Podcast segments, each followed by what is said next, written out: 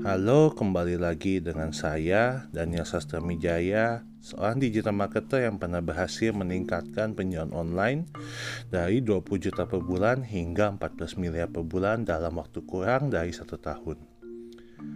Kembali lagi di episode kelas digital marketing.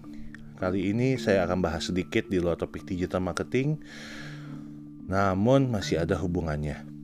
Bulan Mei 2020 ini banyak sekali yang membahas tentang new normal.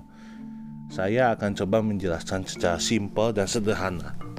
Singkatnya, new normal adalah sebuah keadaan baru setelah kejadian luar biasa. Misalnya, tadinya kita single alias jomblo. Kemudian, kita bertemu seseorang yang cocok dengan kita dan menikah. Setelah menikah, tentunya kehidupan dan pola pikir kita jadi berbeda dan kita harus membiasakan diri dengan itu. Itulah yang disebut new normal.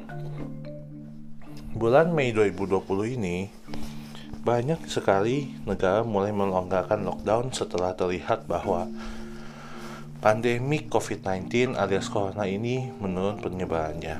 Akibat dari lockdown tersebut juga terjadi perubahan pola hidup, terutama dari cara kita bekerja, beraktivitas, berkomunikasi, dan berbisnis.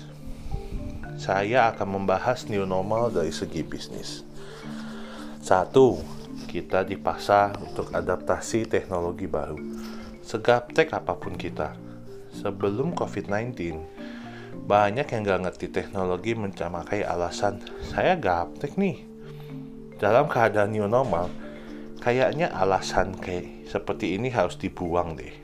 Mengapa? mau nggak mau kita dipaksa untuk memakai teknologi-teknologi baru yang harus menyebabkan kita mengerti cara memakainya. Contoh paling jelas adalah video meeting seperti Zoom, Google Meet, dan lain-lain. Sebelum pandemi, Google Meeting hanya digunakan sebanyak 15% dalam pekerjaan di seluruh dunia. New normal mengakibatkan peningkatan penggunaan video marketing menjadi 86,7%. Dua, bekerja atau libur hanyalah sebuah mindset. Dengan adanya keadaan work from home atau bekerja di rumah, kita jadi terbiasa bekerja di rumah. Dari pengalaman pribadi saya, saya merasa jauh lebih efisien ketika bekerja di rumah Beberapa teman saya yang pekerja kantoran pun merasakan hal itu. Perjalanan ke kantor yang penuh dengan kemacetan serta menguras energi mengakibatkan produktivitas yang berkurang. Dengan bekerja di rumah, biaya operasional kantor pun dapat dipangkas. Kembali lagi, kita mau kerja atau tidak hanyalah sebuah mindset di pikiran kita. 3. Marketing offline dipaksa adaptasi menjadi marketing online. Ini yang sering saya temui. Beberapa pebisnis merasa mereka tidak butuh digital marketing sama sekali.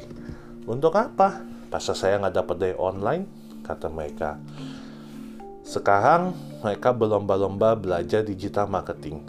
Sayangnya, banyak yang dialami adalah pelajaran marketing yang diterima itu kurang tepat untuk bisnis mereka. Terutama digital marketing ya. Belajarnya tuh fokusnya teknik semua. Fokusnya cara-cara semua. Padahal belajar digital marketing itu harus ngerti konsepnya. Sehingga bisnis apa pun bisa diaplikasikan tuh digital marketing. Kalau konsepnya benar. So, kita harus hadapi new normal ini sama-sama. Jangan takut dan gentar. Siapa bilang new normal ini akan membuat kita sulit? Demikianlah penjelasan saya tentang new normal hari ini. Kita akan bahas topik menarik lainnya tentang digital marketing di podcast berikutnya. Saya Daniel Sastamijaya, seorang digital marketer. Sampai jumpa.